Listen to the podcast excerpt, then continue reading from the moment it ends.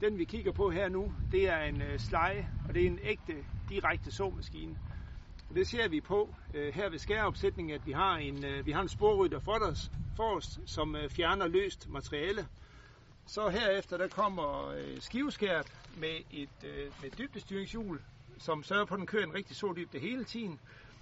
Det, der er interessant ved den her skæreopsætning, det er, at vi har et vinklet skær, der skærer lidt skrå indad, og samtidig lidt skrå til den anden led, så den åbner sårillen, hvorefter at øh, korn placeres igennem det rør her. Og så efterfølgende har vi det her gummihjul, som ligesom trykker på siden af sårillen og sørger for, at øh, de bliver lukket igen. Det er en såmaskine, der kan fungere øh, uden nogen form for jordbearbejdning forud. Noget andet, der er interessant ved den her maskine, det er den måde, at den uddoserer på. Den har tre separate tanke, så den kan uddosere for eksempel øh, flere slags udsag på én gang.